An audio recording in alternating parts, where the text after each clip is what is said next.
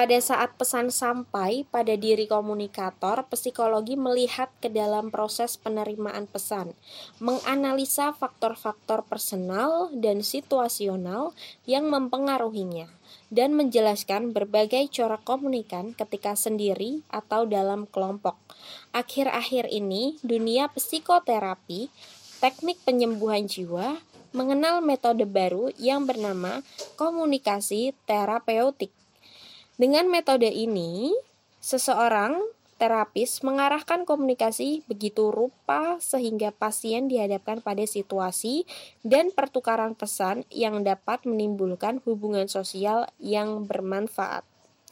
Komunikasi terapeutik memandang gangguan jiwa bersumber pada gangguan komunikasi, pada ketidakmampuan seorang pasien untuk mengungkapkan dirinya.